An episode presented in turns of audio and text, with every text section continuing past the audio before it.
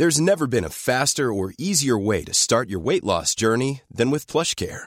PlushCare accepts most insurance plans and gives you online access to board-certified physicians who can prescribe FDA-approved weight loss medications like Wegovy and Zepbound for those who qualify. Take charge of your health and speak with a board-certified physician about a weight loss plan that's right for you. Get started today at plushcare.com slash weight loss. That's plushcare.com slash weight loss. plushcare.com slash weight loss. One size fits all seems like a good idea for clothes until you try them on. Same goes for healthcare. That's why United Healthcare offers flexible, budget friendly coverage for medical, vision, dental, and more. Learn more at uh1.com.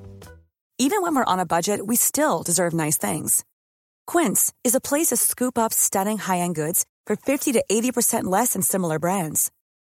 They have buttery soft cashmere sweaters starting at $50, luxurious Italian leather bags, and so much more. Plus, Quince only works with factories that use safe, ethical, and responsible manufacturing. Get the high-end goods you'll love without the high price tag with Quince. Go to quince.com slash style for free shipping and 365-day returns.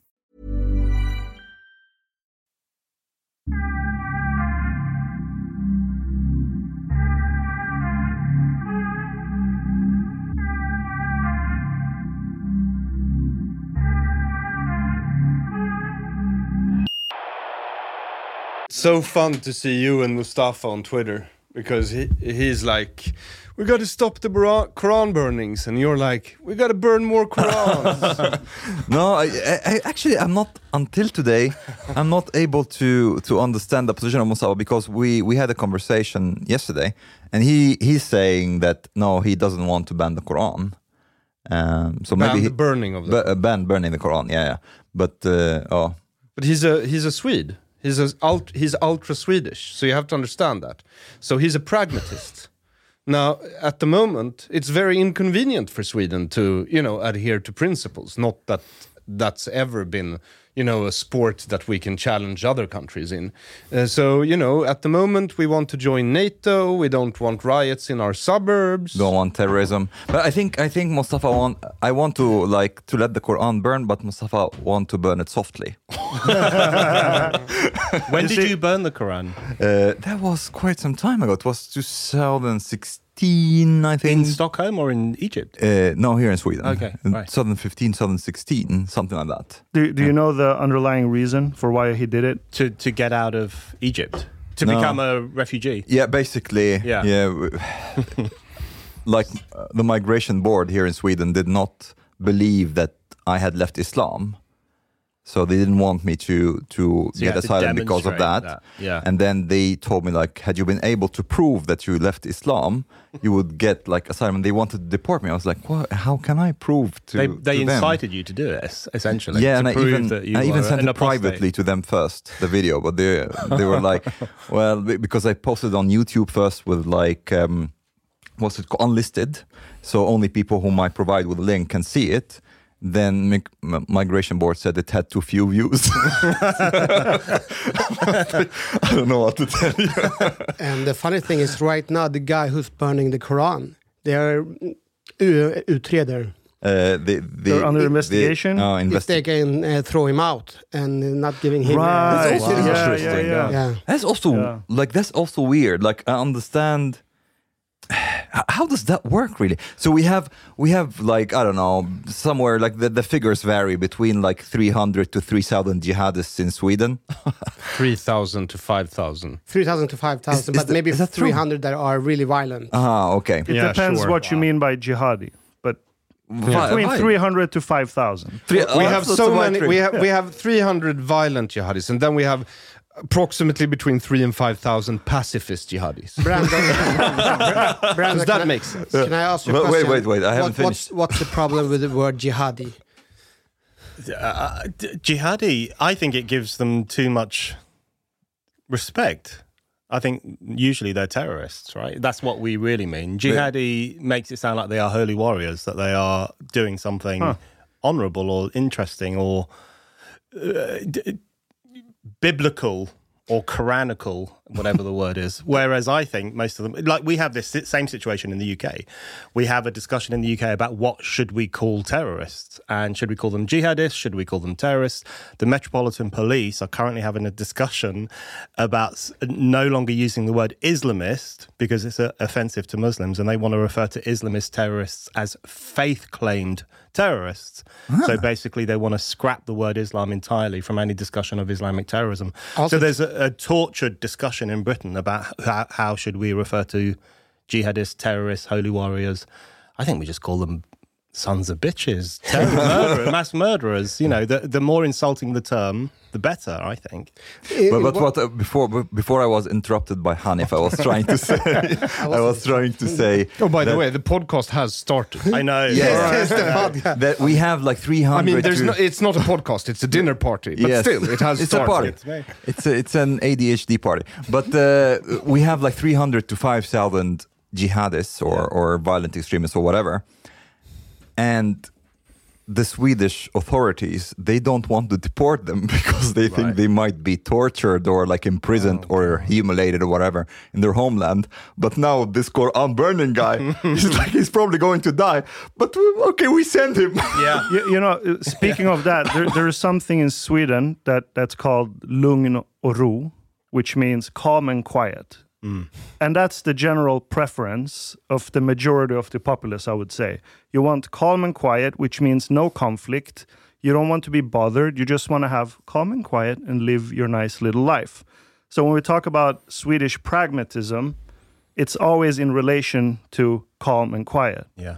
I think that's why they're investigating if they can figure out a way to send that guy home. Well, also because you know, Keep the peace. Yes, ah. just calm and calm. quiet. He's ruining the calm and quiet. Yes, but also because Iran's highest leader has said that Sweden must, you know, uh, deport uh, Yeah. the Quran burners to uh, uh, Muslim countries. But surely Sweden won't do that because if because if this guy ends up being killed or even just Well- imprisoned, that will be on the blood will be on Sweden. Again, hands. it depends if it results in more calm and quiet. Yeah. If Iran shuts up. so we're, we're about to find out if Sweden is willing to sacrifice a man's life in the in the name of calm and quiet. Well, That's if they- if- essentially what we're. Well, if they can find a legal reason, that's why the migration um authorities are looking into it. You know, the sad part is actually, I don't know, I'm speculating here, but it's very possible in that in this situation, the majority of Swedes would be okay with that. Because you have maybe two, two factions uh, uh, that are now in Sweden. The faction that is more like politically correct, anti racist, and so on, and they think that guy is problematic. Then you have the anti-migration uh, faction who don't want any immigrants in Sweden, Right. really. So both of them, they could be well, okay, so no one's supporting this guy. not really. That's sad. Maybe SD in some way. Because he's against Islam, and I that's they supporting that. I would say a fraction of Sverigedemokraterna would but, support but they him. are not. I mean, Richard Jomshof, uh, one of the leading figures in the Swedish Democrats, he he uh, he wants to talk to the Muslim world. He wrote on Twitter, "Let's talk about a democratization of the Muslim wor- world." Let's And- have a dialogue. Le- yeah, uh, and and their uh, you know religious spokesperson Aron Emilsson, he thinks uh, all burnings of religious scriptures should be banned. Oh, Really? Is he? Yeah, well, at least he he doesn't like it. So Yeah, so he- so they are sending mixed messages. But are there He any people like it, out yeah. there who don't like it but still defend it as on the basis of freedom of speech? So, There's- so my, I personally don't like the burning of any book. For me, it has too many echoes of historical book burnings. We all Right. know who did those. Um, so I, I'm just not. When I see a book burning, I think that could have gone to a secondhand bookshop. That could be on a nice bookshelf somewhere. So it makes me uncomfortable. But I would absolutely defend the right of anyone to burn the Quran or any flag, the American flag, the Swedish flag, the European Union flag, as a form of freedom of expression. So surely there are are there any people left in Sweden who've got enough principle to say I don't like seeing this book on fire, but I will defend we, your we right don't to do quite know because there's a price to pay to say that, I guess. well, I, I say it, and then Ivar Arpi apparently uh, he he wrote a, a rather good piece about it actually. Uh, so there are a few, There are but some. but uh, yes, and then Magnus Norell, uh, who's a he's a well, I guess a you'd call him a professor of um political science. Uh, but I would say when I count the articles, uh, there's definitely way more people who want to make it a hate crime uh, than who want to defend freedom of speech. Yeah. Did you mean like um, more public figures and, Yeah, and journalists, and so journalists, not the people? Politicians. Uh huh. Yeah. I, with the politicians, it's pretty interesting because, especially with the um, with the current government, which is like center right, uh, I think it's very obvious to everybody that like all the time they are, you know, releasing test balloons to see if there is enough uh, support to ban Quran Yeah. burning. Yeah. Uh, so every now and then, they somebody from the government comes out and says, uh, "We might have to like um, reevaluate or review the law because of security and so on." And then you know, some people go into uproar, and then they no, no, no, we were not going to ban any books. Yeah. it's very important freedom of speech. So it, it depends, really. I don't know. But I think your your prime minister, whose name I always forget, Ulf Chris Kristersson. Chris Christopherson, I call him. Yeah, Chris Christopherson. yeah, Oh, why not? But he, um, but he's done the, his most recent statement was basically he was saying, look, if we have any more Quran burning, something terrible is going to happen, which I think is an underhand form of incitement because what he's essentially saying is, if any individual does this horrible blasphemous act in public. There will naturally be a reaction. What else would you expect? There will be a mob, there'll be violence. Right. And he said there might be terrorism. In a sense, he's kind of licensing that kind of response, or he's he's hinting. I'm sure he doesn't intend to, but he's suggesting that it's an understandable response. That if you burn this book, there will be this instantaneous uh, Pavlovian dog response, Right. where mobs of Muslims will gather and do something violent and terrible. I think a lot of people will interpret that. Radical Muslims will interpret that almost as a green light to do something in response to these Quran burnings. So politicians, I think, have to be kind of careful about how they talk about this stuff. Yeah, And I maybe agree. also he's blaming the if there would be an attack, the blame would be of the person who's burning the Quran. absolutely. Welcome, Chang. Är det till dig? Eh, Ska du ha det Aron? That's that glass is for you. Uh, Nej, men but jag- if you're drinking, I'm driving I'm car. drinking. Nej, men you can drink. Okay, Because you never know how to take responsibility anyway. So. it's quite a lot actually. But Brendan, it's like also interesting you mentioning the language when it comes to jihadists and so on. One thing that I kind of like um, do not like that's going on linguistically here in Sweden in relation with the, uh, to the Quran burning is that a lot of people from the government, from the me- mainstream media, are describing the Quran as a holy book Yeah. uh, and mosques as holy places. And these are not correct terms to like, you can say a religious book. There is a difference between saying something is like um, validating that it's sacred, Yeah. and that makes makes it a bit more difficult. Like, if you are saying that something is sacred, it means that the act of violating it is more reprehensible. I would say But Omar, Mm. Quran, isn't that the word of God? to, to not to us, to Muslims. Yes, it's not holy to us. Not for me. Is it for you, Chang? But I thought it was the God who said that you should beat your wife and have... Uh, yeah, if you if you believe in your God.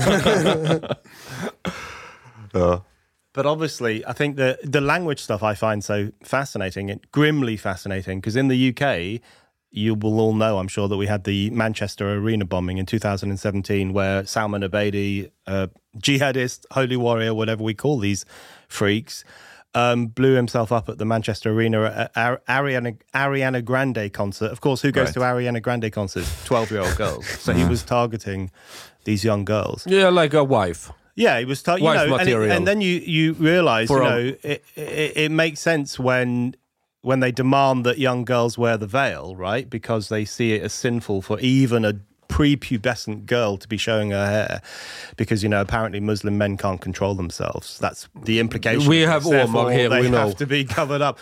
But you know, so they targeted these young, mostly British girls who were completely uncovered and they're swinging their hair around and singing.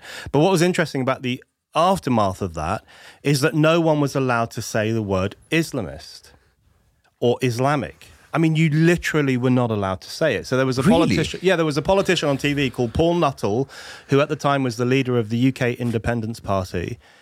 And he was on a TV show and he said, Well, let's call this what it was. This was an Islamist attack. And he was completely shut down. He was virtually cancelled for saying the word Islamist.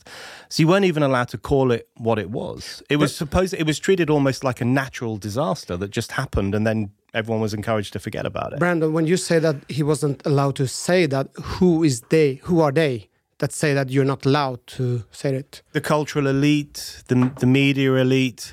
It, it, it, it's not it's not it's not as if it's a conspiracy, but there is this kind of culture of forgetting around Islamist attacks, which we're not even allowed to say. We talked about this recently, Aaron. Yes. There is this. I think there's this kind of um, institutionalized amnesia around terrorist attacks. So the the the slogan after the Manchester Arena bombing was the name of that Oasis song, "Don't Look Back in Anger." That became the anthem of the aftermath of that bombing because we weren't supposed to be angry about it. You Is weren't it- supposed to feel any emotion at all. it was the same in Sweden after Drottninggatan, this terrorist attack. It was all about showing love and oh, blah, blah, blah, blah. Yes. We And, should uh, not talk about but- nobody have any responsibility for this. But I guess that showing love is something, but not allowing to say the correct word is something else. Yeah, but uh, yes, that's right. But it's the, it's the policing of uh, the policing of language and the policing of emotion that happens after every terrorist attack in all of Europe, Barcelona, Sweden. London, Paris, of course. There's firstly the policing of language. Don't say Islamic. Don't say um, anything about Islam or the Quran. Don't suggest that this religion has anything to do with this violence. And then there's the emotional policing. Don't feel anger don't feel fury, don't ask difficult questions about certain communities and, and what they might be doing or what, how they might beha- be behaving. The only emotion you're allowed to feel is pity and sorrow. You can lay some flowers, you can put the Swedish flag or the British flag in your social media bio for a few days. That's it. And anyone who steps outside of the uh, those very tightly policed parameters of acceptable emotion is instantly demonized as an Islamophobe and shut down. So there is a very conscious, I think, management of the emotional response to terrorism, which I think speaks to that kind of censorship culture. And is that what you're terming Islamo-censorship in your book? Yeah, it, it- it is Islamo censorship, and uh, and one of the things that worries me is is the impact it can have. So one of the stories, one of the most chilling stories from the Manchester Arena bombing, just to get a bit deep for a moment, is that this guy Salman Abedi, he was at the Manchester Arena for about two hours before he blew himself up, and he was lingering around in the foyer with this huge rucksack on his back. It was so heavy with his bomb and his nails and screws and everything that was packed into it. It was so heavy he could barely carry it. So he was kind of limping around the foyer. And one of the security guards there thought he was a suspicious figure. He said in the Manchester Arena inquiry, he said he didn't accost him or question him because he was scared of being accused of being Islamophobic. And one of the fathers who was there waiting for his daughter, presumably some 10 year old girl who was inside watching the concert, one of the fathers who was, who was waiting in the foyer went to the security personnel and said, Look, there's this guy over there who, who was praying. People saw him praying. He was hmm. mumbling to himself with the hmm. massive bomb on his back in public. So one of the fathers went to the security personnel and said, He looks a bit suspicious. We should do something. And they, he was told, There's nothing we can do. We don't want to look dodgy. We don't want to look like we're picking on this brown skinned man. 10 minutes after that, he blew himself up and killed 21 people and mutilated many more. So it's this kind of, so I mean, that's the logical conclusion of that enforcement of an incredible sensitivity around everything to do with Islam and everything to do with Muslims. You end up in a situation where people won't even confront someone who was obviously there to do something bad. If any of us had seen this guy, barely able to carry a massive rucksack at 9.30 in the evening on, in the foyer of uh, uh, an arena where a pop concert was taking place, But- we would instantly have thought he's a bomber. That's But what the- I would have thought. Omar, did you actually read Brendan's book or did you just burn it like? But I I was, but as a Muslim, isn't that your human right to blow yourself up? I mean, there it's you their, go. it's their re- re- religion. Shouldn't we be tolerant towards this? Do you guys know Ali G, the Yeah, yeah, um, yeah. Sacha Baron Cohen character? He used to say, "Is it because I is black?" When when anyone would criticize him, he'd be like, "Is it because you're saying that because I is black?" He was obviously not black, but that's what you have that culture now in relation to Muslims. You know, I don't know if people remember this, but we had the seven seven bombings in London in 2005 when they blew up the Tube. People met. you. I forgive Yeah, you yeah, if you've forgotten because there is No, this no. culture of amnesia. No, we haven't. Was- They yeah, they blew up the tube and then they blew up a bus as well. And I don't. One thing that people have forgotten because it's not as significant, but two weeks later, it was referred to as twenty one seven. Four Muslims tried to do the same thing again. But they were thwarted because they didn't build their bombs correctly. And they were all arrested and they've got long prison sentences. That was two weeks later. And one of those Muslims, as he was getting off a bus with his bomb, he was stopped by police and he said to the police, You're only stopping me because I'm Muslim. He was carrying a fucking bomb on his back, but he was still doing the Ali G thing. Is it because I is black? Is it because I is Muslim? So there is this. Um, But the police caught him. they, they caught him and he's in jail and it's all good. It's a happy Okay, okay. ending. So they Yeah. didn't get scared and They didn't get scared in that case. But there, since then, But I that think, was just a few weeks after one of the largest terrorist Yeah. attacks. Yeah, I don't right. know. They are stupid. They, they are fucked up But in Britain then, when I it think comes to the- this. So the- I, nothing Oh, surprises you think me. we're so sane? No, I, I know they even was in some cases. Because uh, Chang uh, uh, here, uh, he was uh, accosted uh, quite uh, harshly uh, because uh, he But was, that's because I'm a Russian spy. uh, yeah, because they accused him of financing one of our first Quran burnings in, In, the for this year, not the last. uh, uh, Welcome to the Quran the burning no- capital of the world, brother. I love when that. we started uh, applying for NATO mem- membership. Then uh, it started as a Yeah, shit show between Turkey and Sweden, Yes, but you know, know. and the leftists were demonstrating with their PKK. Is that how you say it in English? You know the Kurdish, uh, Kurdish yeah, yeah, yeah. militants. Yeah. And then our weak excuse of for a prime minister, is that we call him Milhouse. You have seen Simpsons? Yes. You know Milhouse, Yeah. this one everybody's bullying. Yeah. yeah, that's our prime minister, Ulf Kristersson. Even on a budget, quality is non-negotiable. That's why Quince is the place to score high-end essentials at 50 to 80% less than similar brands. Get your hands on buttery soft cashmere sweaters from just 60 bucks, Italian leather jackets, and so much more. And the best part about Quince, they exclusively partner with factories committed to safe, ethical, and responsible manufacturing. Elevate your style without the elevated price tag with Quince. Go to quince.com slash upgrade for free shipping and 365-day returns. Ever catch yourself eating the same flavorless dinner three days in a row? Dreaming of something better? Well, HelloFresh is your guilt-free dream come true, baby. It's me, Keke Palmer. Let's wake up those taste buds with hot, juicy pecan-crusted chicken or garlic butter shrimp scampi. Mm. Hello Fresh. Stop dreaming of all the delicious possibilities and dig in at HelloFresh.com. Let's get this dinner party started.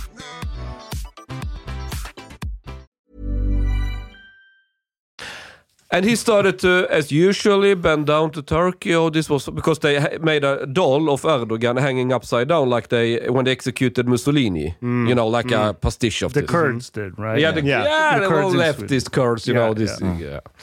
here, Anyway, here in Sweden. yeah, in Yeah. Stockholm, and and Erdogan, who never get offended, of course, got very offended. He gets offended about fucking everything.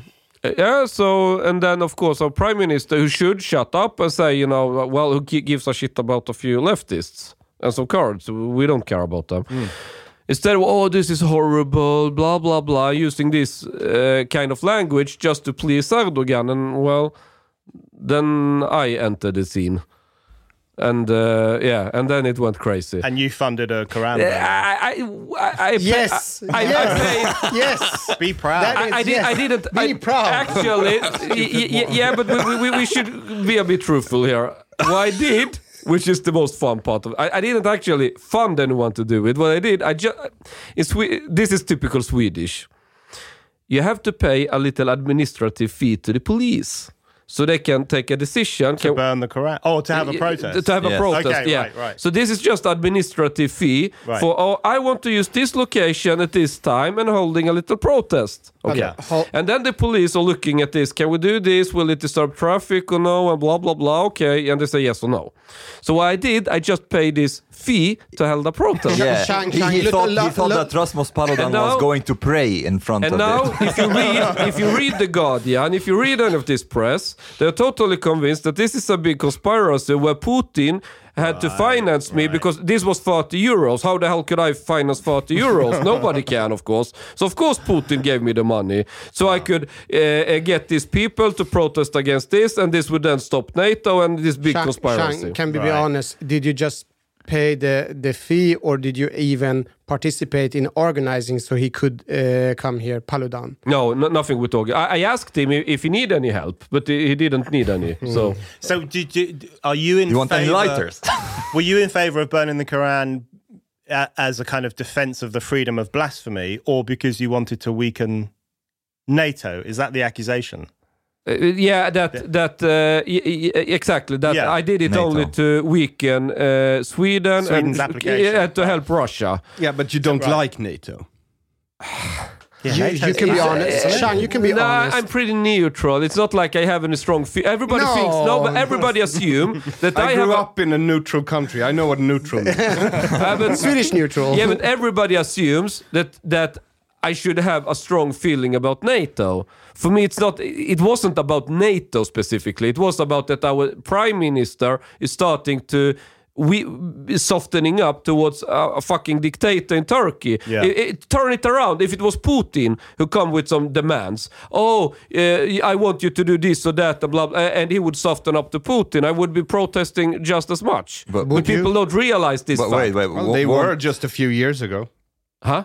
They, they, they were um, kissing Putin's ass just a few years ago. So. man, they will keep, keep kiss anyone's ass if Yeah. they. So feel why it. does Sweden suck up to Turkey? because they, we wanted Because to you go want to be NATO. because Sweden wants to be in NATO. Is that the reason? Yeah, yeah, yeah, yeah. As of last year, we all of a sudden want to be in NATO. And why does Sweden want to be in NATO? because We want to get out of it. We've Brexited from the European Union. Now we would. Well, not Really, us, you but- want to get out of NATO? We want. I. Uh, I, doing I- an I think a exit? lot of us would Brexit from NATO. Yeah. Really? But you're still in AUKUS. What's AUKUS? Oh, that's the Australian. Yeah. Australian, UK, yeah, and we're US. in that. I think. Yes. I lose track It's of the big- globalist institutions. This is your new alliance against China. Yes, apparently. It's very important. But the but but Wait, the, wait, wait, wait, wait, wait, wait, wait, wait, wait. When you're saying that, ah, maybe we want to do a Brexit against NATO, aren't like everyone in U- UK going to accuse you of being a Russian agent?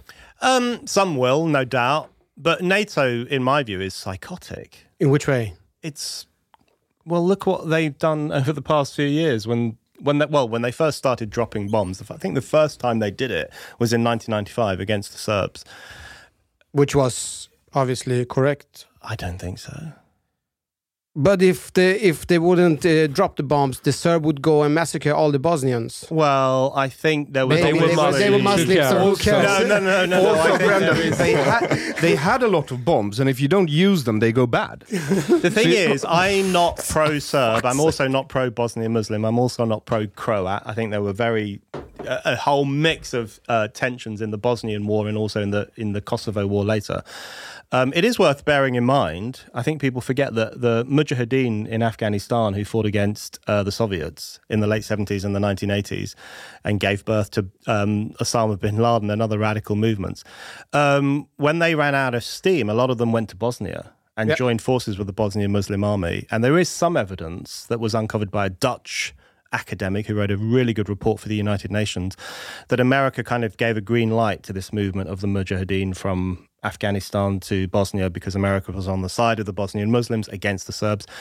So, you know, when people say Samuel Paty, Samuel Paty, the French school teacher who was beheaded in the streets of Paris two years ago, two years ago, three years ago, because he showed an image of Muhammad to his school kids. Um, people say, oh, look, uh, uh, uh, uh, now Islamist beheadings have come to Europe. Actually, there were Islamist beheadings in Europe 20 years ago in Bosnia, where um, the Mujahideen forces who joined the B- Bosnian Muslim army were beheading Serb soldiers. There are photographs of this, um, of them playing football with Serb heads. Uh, collecting them in boxes. So, a lot of the stuff that I think we're worried about actually starts quite early on. It's kind of imported to Bosnia t- to begin with, uh, these radical Muslims, and then it kind of moves slightly more westward into the rest of Europe after that. If we even go back, uh, correct me if I'm wrong, but uh, the American was sponsoring Mujahideen in Afghanistan. Yeah. uh, in a war against uh, Russian, right? Yeah. They give them some weapon, weapons and training. Yeah. So in same some in way, it's uh, sponsored from the states from Yeah. the beginning. France and Sweden signed a deal with the Arab League, I think, in 1947. So before the EU was even around, France had its own reasons. They wanted to get back its own old sphere of influence, uh, and in that deal that France made, they said that uh, they would work for a cultural exchange of citizenry. So a lot of uh, Muslims could come to France, and a lot of French could move to the Muslim countries. Of course, uh, that uh, Didn't happen very didn't much. re- I mean, part of it, ha- fifty percent of it happened. So it which was is, one way. which is a lot of Muslims moved to France. exactly, but very few way, French yeah. people went to Algeria. I Uh, wonder why. Is it too hot there? Or Yes. Brendan, what do you reckon is the public opinion in terms of doing an exit, like leaving? Leaving NATO, um, uh, probably not as passionate as it was for leaving the European Union. Okay. When we voted, 17.4 million people, I'm one of them, by the way, voted to leave the European Union. Why did you want to break up? Why do you hate us? Europe? I hate, I love Europe. In fact, my slogan was I had a T-shirt: "Love Europe, hate the EU." I love Europe. Europe's a wonderful place, full of interesting people and cultures and languages and all sorts of things. But how is the European Union The going European to Union survive without is- all the bureaucrats? the European Union is a racist, neoliberal tyranny. Racist in what way? It's it's it has a two-tiered immigration policy where you have freedom of movement for Europeans who are majority white, no freedom of movement for people outside of Europe who want to come to Europe. Um, as a consequence, uh, tens of thousands of people have perished in the Mediterranean over the past 30 years. Um, it's also uh, violently neoliberal. If you look at what it did to the Greek working classes, the Greek pensioners, um, the Irish working classes when the Troika, which was the three main institutions of the EU, basically took over Ireland in 2010 and ran its economic affairs. It's undemocratic. Look what it did to the French and the Dutch people when they voted against the um, European Constitution in 2005. It just overrode their votes, reinvented the Constitution as the Lisbon Treaty, and pushed it through anyway. Um, it's a it's a horrendous oligarchy. Yeah, that's a horrible But, but wait, can, can I ask you? Can I ask you something about the, the racist accusation? Um, I, I read on Spiked, which you founded, right, Mm. in 2007.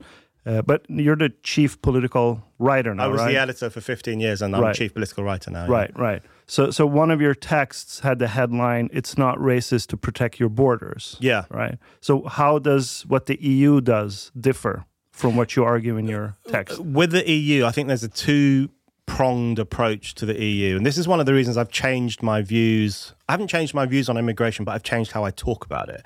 Because I'm fairly liberal on immigration. I've always been quite liberal and open to the idea that we should allow movements of people across borders and so on.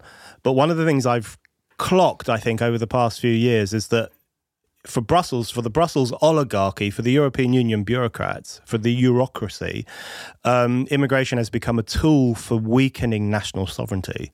So they support freedom of movement not because they give a damn about the people of Europe and our right to work in whatever country we want to work in, but it's become a useful tool for them to weaken the whole idea of borders and the whole idea of a sovereign nation that makes its own decisions and controls its own, own affairs.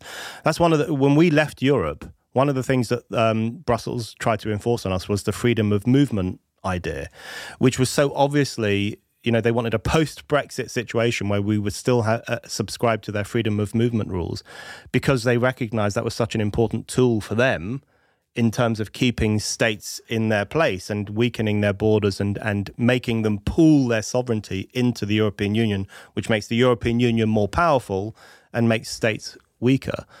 So I think freedom of movement has become a kind of elitist mechanism um, for basically just making sure that nation states are quite weak and fluid and open. No, uh, Because you want Britain to protect its borders now. I want Britain to protect its borders. I want us to be in control of our borders. I think every nation state has the right to control its borders. So as soon as a nation state joins the European Union, it loses control of its borders because you subscribe to rules that, that s- that mean that you have to allow a certain number of people in, or you have to uh, uh, uh, subscribe to a certain amount of freedom of movement. Or you cannot really have border control really anymore. Yeah, you can't have it. So, uh, so that's undemocratic. That's anti-nationhood, I would say. So, I support the right of Britain to control its borders. I would encourage the British government, in a democratic way, to be quite generous with who it la- allows across its, across its borders.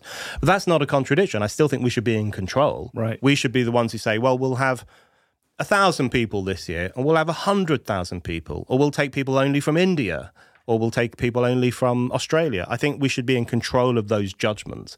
Whereas I think with the EU, that's not possible. But, but there I agree. But don't you think that there has been economic repercussions for Britain leaving the EU?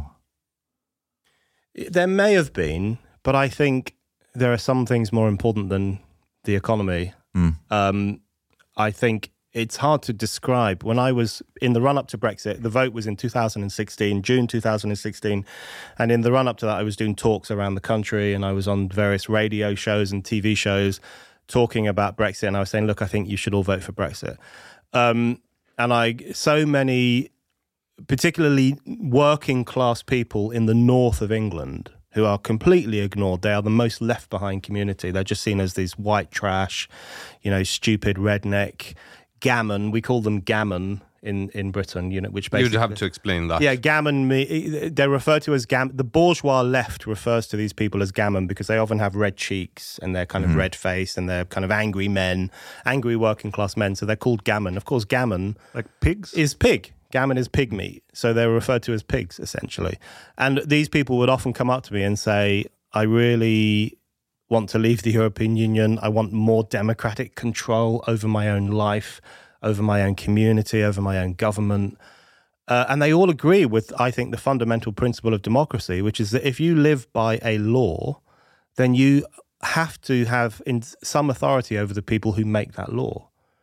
So if, if, if there is a law that you have to live by, then you have to have some right or some capacity to control the people who make those laws. That's the fundamental principle of democracy. And that in the EU, you don't have that right. There are laws being drawn up by the European Commission, then they get rubber stamped by the European Parliament, then they get enforced in Sweden and France and Ireland and Italy. And you have no direct control democratically over the people who make those laws. So it's fundamentally undemocratic. Well, the ca- the counter argument would be that this is what I hear at least. Like, yeah, but you can still participate in the European elections, and But that's what, what you say, because the parliament in the EU don't make the laws. It's it's the opposite of most democracies. In most democracies, the elected chamber will be the lawmaker, and then sometimes there's a second chamber. Do you have a second chamber in Sweden? No. Lucky you. We have a second chamber in Britain, which is entirely undemocratic, called the House of Lords. And the second chamber rubber stamps mostly. Sometimes they raise complaints and questions, but mostly they rubber stamp. In Europe, it's the other way around. In Europe, it is the unelected commission that draws up the laws. None of us, no one in this room has any ability to elect the people at the European Commission. Ylva Johansson. Whereas the European Parliament, you do have some ability. No one takes part Yeah. in those elections because it's a sham. Uh, but those people are the rubber stampers. So it's, it gets things the wrong way around. It's, it's not just completely that, I would say, uh, because, like, you know, in the European Parliament, there are elections and everything, but it's not like our, uh, what are they called? Um, the members of the European Parliament from Sweden. It's not like if they say no to some some uh, decision of the European Parliament, that would not be enforced on Sweden. Like if there is a majority for it, it will go through on all countries. I, I remember that very clearly when the was it Article 13 and 15 it was called a couple of years ago. What's it about? Th- They wanted to uh, impose a law where if you play music in the background of something you post online and things like that, you would get hit by copyright laws. And The copyright directive. is that what it's called at the end? Something I like mean, that. Yeah. that's what they finally got through. yeah. But you know who, who really doesn't like Brexit? Is Shamima Begum. Do you guys know who Shamima Begum is? no. So Shamima Begum is one of the 15 year old girls who left London to join ISIS. Yeah. Um, she Now I was know. She From the got- east end of London. Ah. Two of the girls are dead because that's what happens if you go to a war zone.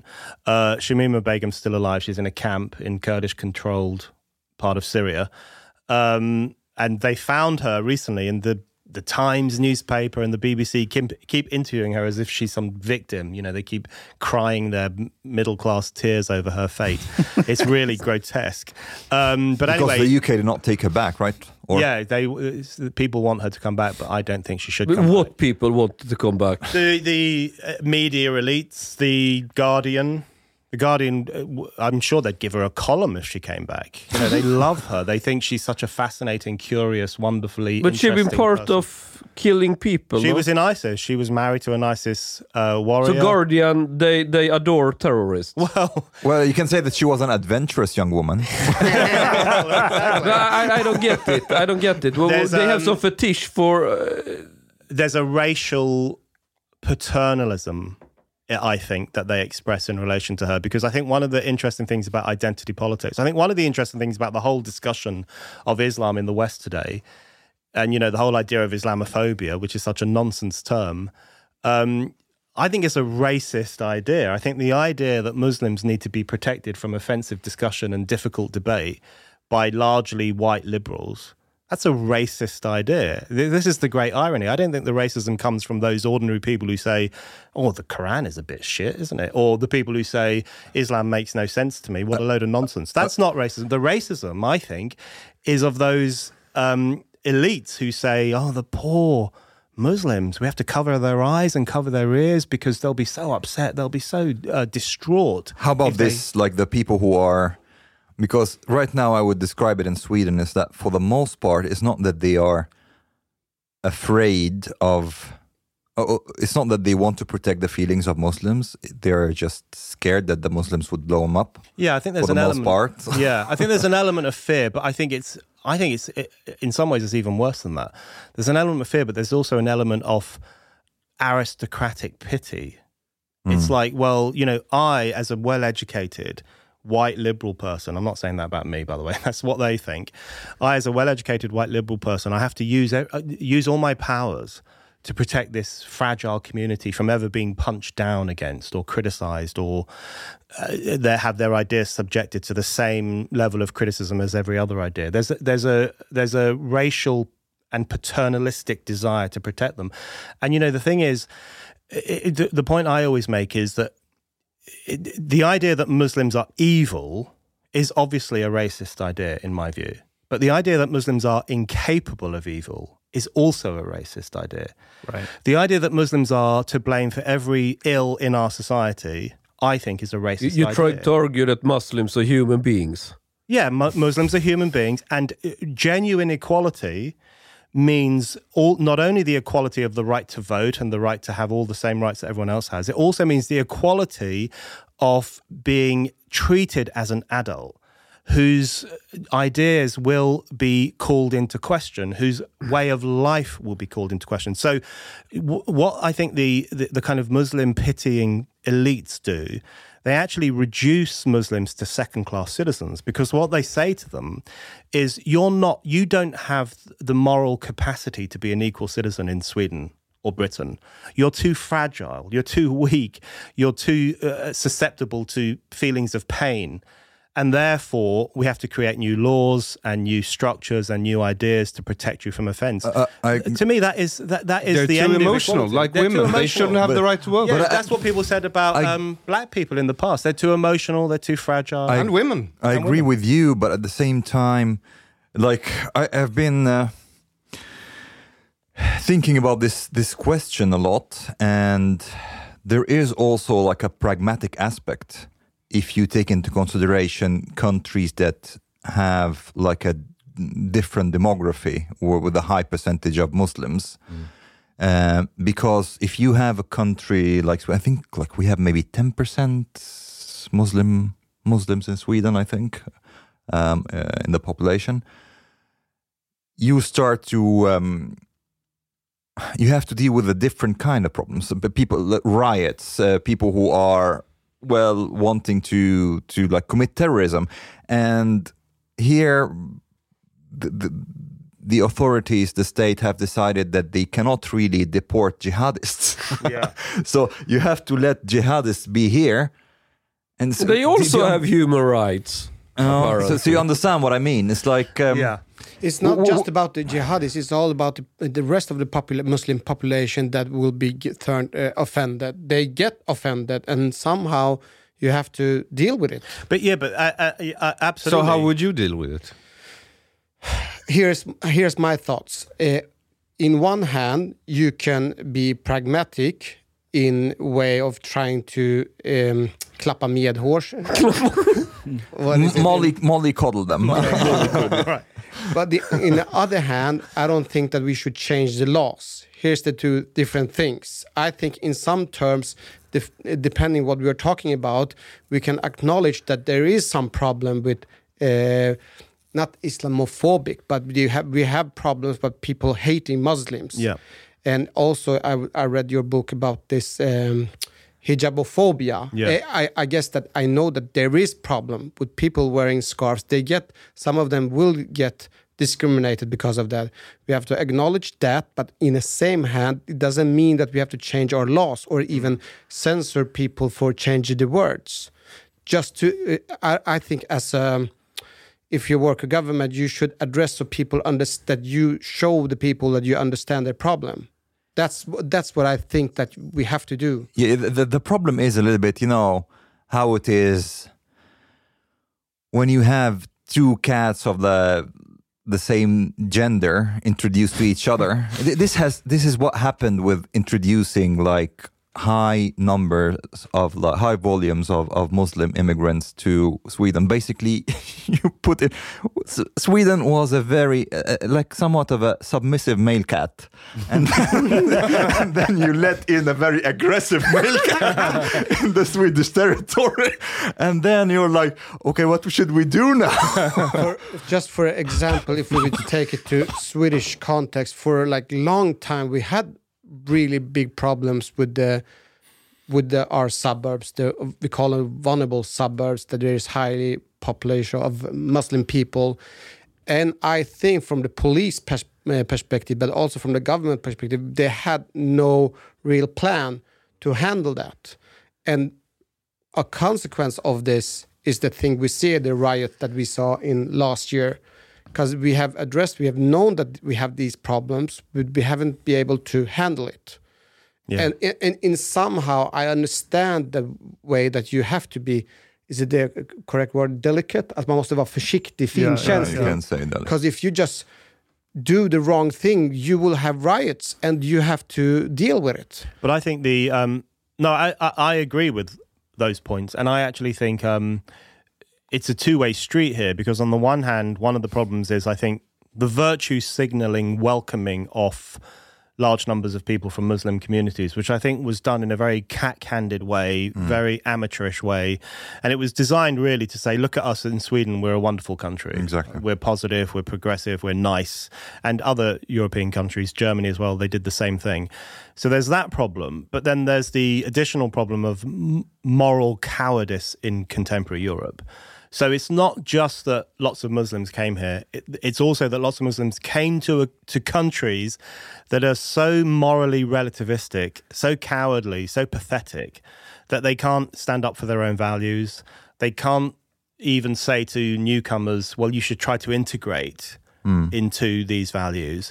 Um, they can't say our democratic way of life is superior to the political system that you come from and we treat women equally and we treat gay people equally and we uh, we treat uh, freedom of speech as sacrosanct. They can't say any of that. So what happens as a consequence is that new the new arrivals start to pick up on this moral cowardice. You know these people aren't stupid. They they they know what's going on. Yeah. they know there's a weak spot in these nations and they exploit it and they say well okay if i can touch this woman on her arse and if you criticize me, I will call you Islamophobic, or I can, you know, I can have my own, I can live in my own ethnic bubble, and anyone who criticizes it is a racist. So Or I can they- be a jihadist. or I can be a jihadist. I can do all these things. So they pick up on they pick up on the moral weakness of the West, and they exploit the moral weakness. And I think the, one of the real problems with jihadism in contemporary Europe is that it is it's in this kind of symbiotic relationship with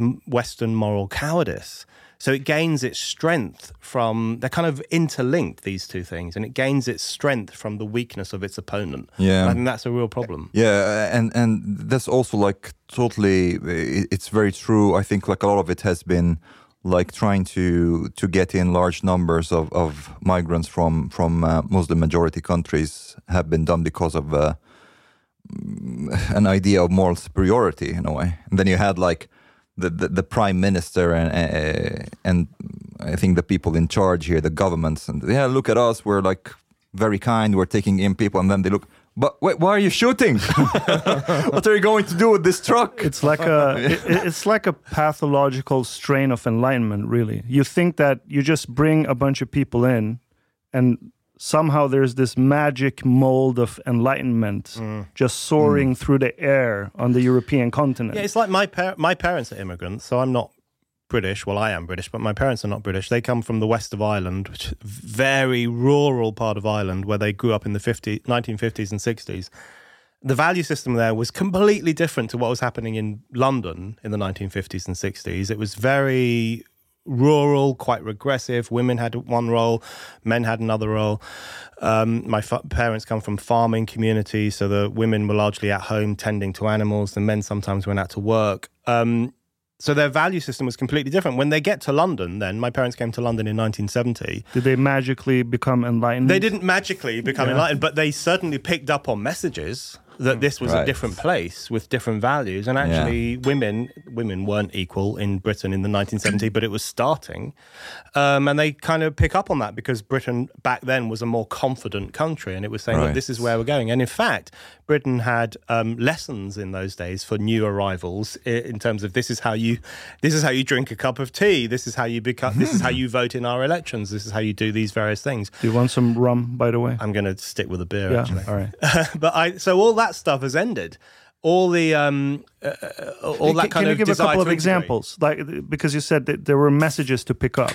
Like what, what were the mechanisms? How, how could that what would that look like? I think a lot of it was informal. A lot of it was just the kind of informal consequences of living in a confident country. But people dared of- say, no, that's not yeah, how we don't do it do here. that. I remember, uh, in fact, my mother tells this interesting story because when they first came to London, they lived in a very poor part of London. They had lots of children very quickly because that's what Irish Catholics do. No offense to your Irish Catholic listeners. Um, so by the time my parents were 22 or 23, they had five children. They were living in a very small apartment in a not very nice part of London, and so the uh, local officials decided that these this large Irish family needed a house. The government offered them a house, and my mother has this memory of one of the local officials coming around and saying to her, looking around this small apartment where we were all basically sleeping in one bed when I was very very young. I don't remember it, and saying to her, "You can't live like this. This is not Ireland."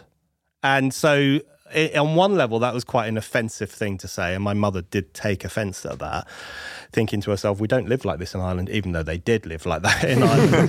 so she, it was, in one, on one level, it was an offensive thing to say. But on another level, it was that it kind of informal assertion of this is a different country. And, and it was also an informal assertion of the idea that the way we do things in this country is better. Now, I'm I love Ireland uh, with all my heart, but the truth is that London in 1970 was a better place than the west of Ireland in 1970, and that and that was in being informally asserted. and then there were more formal mechanisms. So.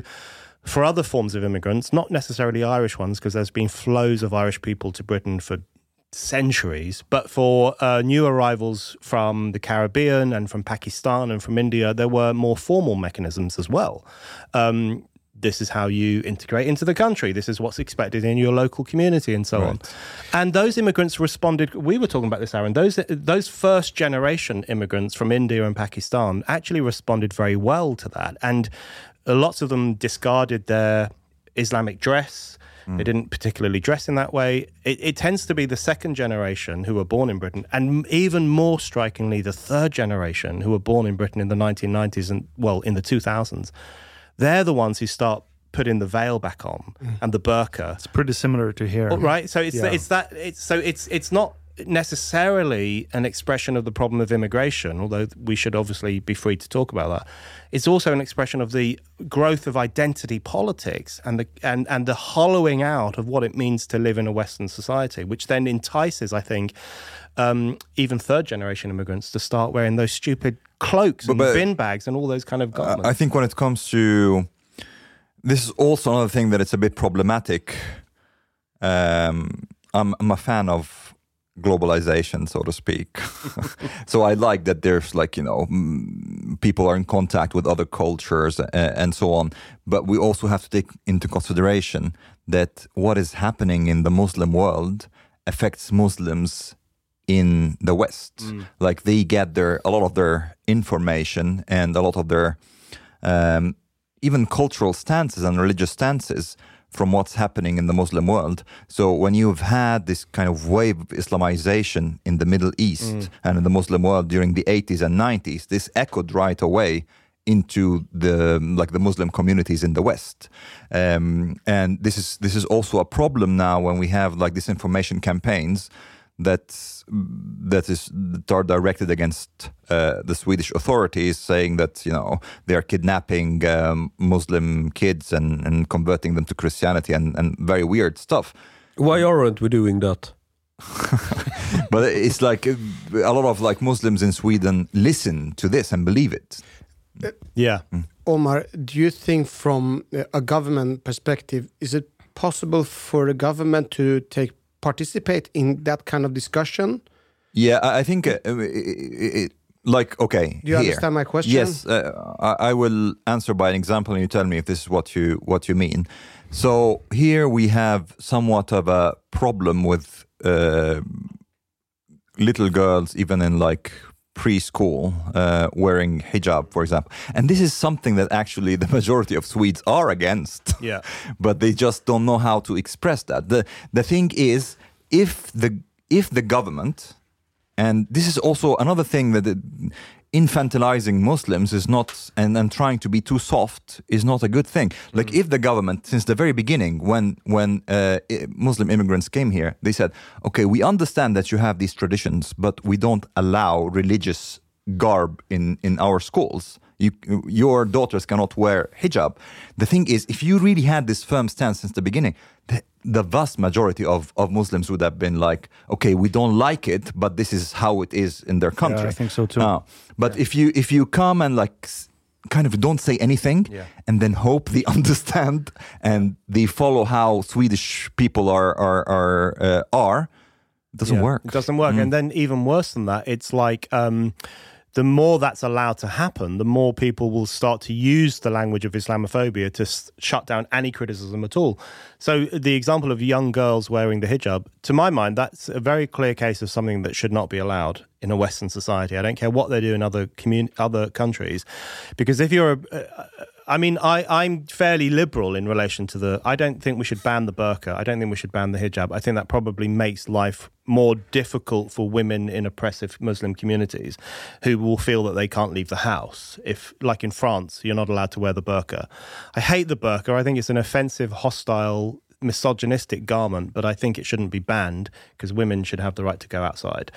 Um, but when we're talking about pre-pubescent girls, six, seven, eight years old, who are wearing the hijab, Sometimes three years old. it's completely unacceptable. There's a paedophilic um, element to this because what you're saying with that is that these are sexual beings, and therefore they have to. We have to cover their hair. Therefore, we have to uh, hide their sexuality. So there is a really grotesque element to that. And so um, in the UK. Um, Ofsted, which is our official institution that inspects schools, so it goes around schools to make sure they're doing what they should be doing. It made a statement a few years ago, and I talk about this in my book, um, where it said um, girls under the age of 12, 13, girls who have not reached puberty must not be allowed to wear the hijab. And they were damned, and they were completely right, but they were damned as Islamophobic, hijabophobic, um, hateful of Muslim communities and that's when the you have to have the fight. That's when you have to say no. I don't care what you call me. I don't care if you call me a bigot. It's unacceptable for a prepubescent girl, a non-sexual being, an in- innocent child, to be covered up with a cloth as if she is a kind of sexual allure to men. That is that has got to be the red line in a, in a civilized community. I. But uh, and how did it end? Did they? It, it it ended with there are some schools, um, there are some Islamic schools in the UK where very very young girls wear the hijab. So, So, it didn't they end- got their will through. The, Yeah, I think those schools probably get into trouble every now and then because they will, uh, the inspectors will find that they're breaking the rules. But it does happen. Yeah. Brendan, I want to bring up your book because a lot of the things we talk about they plug right back in to the the things you write. So the title of the book is A Heretic's Manifesto. Heretic Kättare would be like the best translation, right? And I like the pattern of the book because in every chapter you bring up a contemporary issue, then you show that this has happened before. And then you usually end the chapter with like a point that you should follow in order to be a heretic. Is it okay if I read a Yes. piece from the first chapter? Please. In the first chapter, you um, reference Baruch Spinoza, the 17th century philosopher, and you write the following Man must be master of his own thoughts. He must never be compelled to speak only according to the diktats of the supreme power. That is the first task of the heretic to resist compulsion, to speak as he sees, to never fear to express the truth, to refuse at all costs to say anything as abominable as her penis, which is also the name of the first chapter, right? Her penis. Can, can you speak to that? Why you started a book with her penis and what that means? Yeah, well, um, as soon as I thought I'm going to write a book on heresy and freedom of speech and the right to um, be uh, to speak out against the orthodoxies of our age, I knew right away that the first chapter would be called "Her Penis." I knew from the very even before I sat down to start writing the book, because to me that's one of the most chilling phrases of our time. Obviously, it comes from the transgender idea. Um, the idea that a man can become a woman, which is an idea I'm very skeptical of. The idea that you can be fully intact, genitally speaking, that you can have a penis and testicles and a beard, like most of us around this, all of us around this table have, I hope. Um, and you, you can be all of those things, and you can literally be a woman, and you have to be recognized as a woman. Um, and so we've seen the phrase her penis being used in respectable circles and pregnant man. a pregnant man, pregnant boyfriend. We were talking about an article like that, me and Yeah. Aaron recently. But like in the Times newspaper, uh, the phrase "her penis" has been used. The Times is the newspaper of record in UK. In the UK, one of the most esteemed newspapers in the world. The BBC. The hallowed BBC has used the phrase her penis, and it's even used in courts. So if a man who rapes a woman ident- now identifies as a woman, in a court of law in the UK, he is treated as a woman. So what you end up with is a really repugnant situation where the woman who was raped has to refer to her rapist as a female and has to say she took out her penis. She put her penis into me, etc., etc. So, so the point I'm making in my book is that firstly, a woman is degraded, violently degraded, and then she is forced to bow down to the delusional identity of the person who raped her. So the fact that the, a phrase like "her penis" is very is used very casually in official circles and in media circles, I think it speaks to the sinister nature of the times we live in, which is that we are all compelled to speak in a particular way. And the point I make in my book is that the manipulation of language is always designed to manipulate thought. And this is the point George Orwell made. 1984 is entirely about this. Language is controlled in order to control how we think. So the more that we say something like her penis, the more we start to imbibe the post reason, post scientific, in my view, ridiculous idea that someone with a penis can be a woman. So it's an infiltration of our ability to think for ourselves and to speak freely about what exists in the world. But if I identify as a Muslim woman, does that mean I have to wear a burqa? You know, No. you joke, but there are actual men who identify as Muslim women. I mean, really, there are non-Muslim men, white Christian men. Are, are they who- wearing burqa or? They wear But they don't hijab. have to. You just have to identify. Okej, Du harlis nat so harlongt. Pozista moltit. En miket fin radioprogram is ferie. Du tiker de emiket revlikt. Men, minven, lisna po mejnu. Du harinte betalat biliet po klubzista moltit. Dom harblate grabarna dom behover pengar. Flis. Laks. Stolar. Dirabilar. Lix hotel. Duwet. Domostedu betala om duskalis namer. Du Forman Gaffler Snit Oxo. Pakieter Biudande, Heltenkelt. Les i beskrivning for afsnit, dar defins information for adbli medlem po klubzista moltit. Detko star somen miket liten kafe late ute potoriet. Per monat. Let somen plet. Tak, minwen.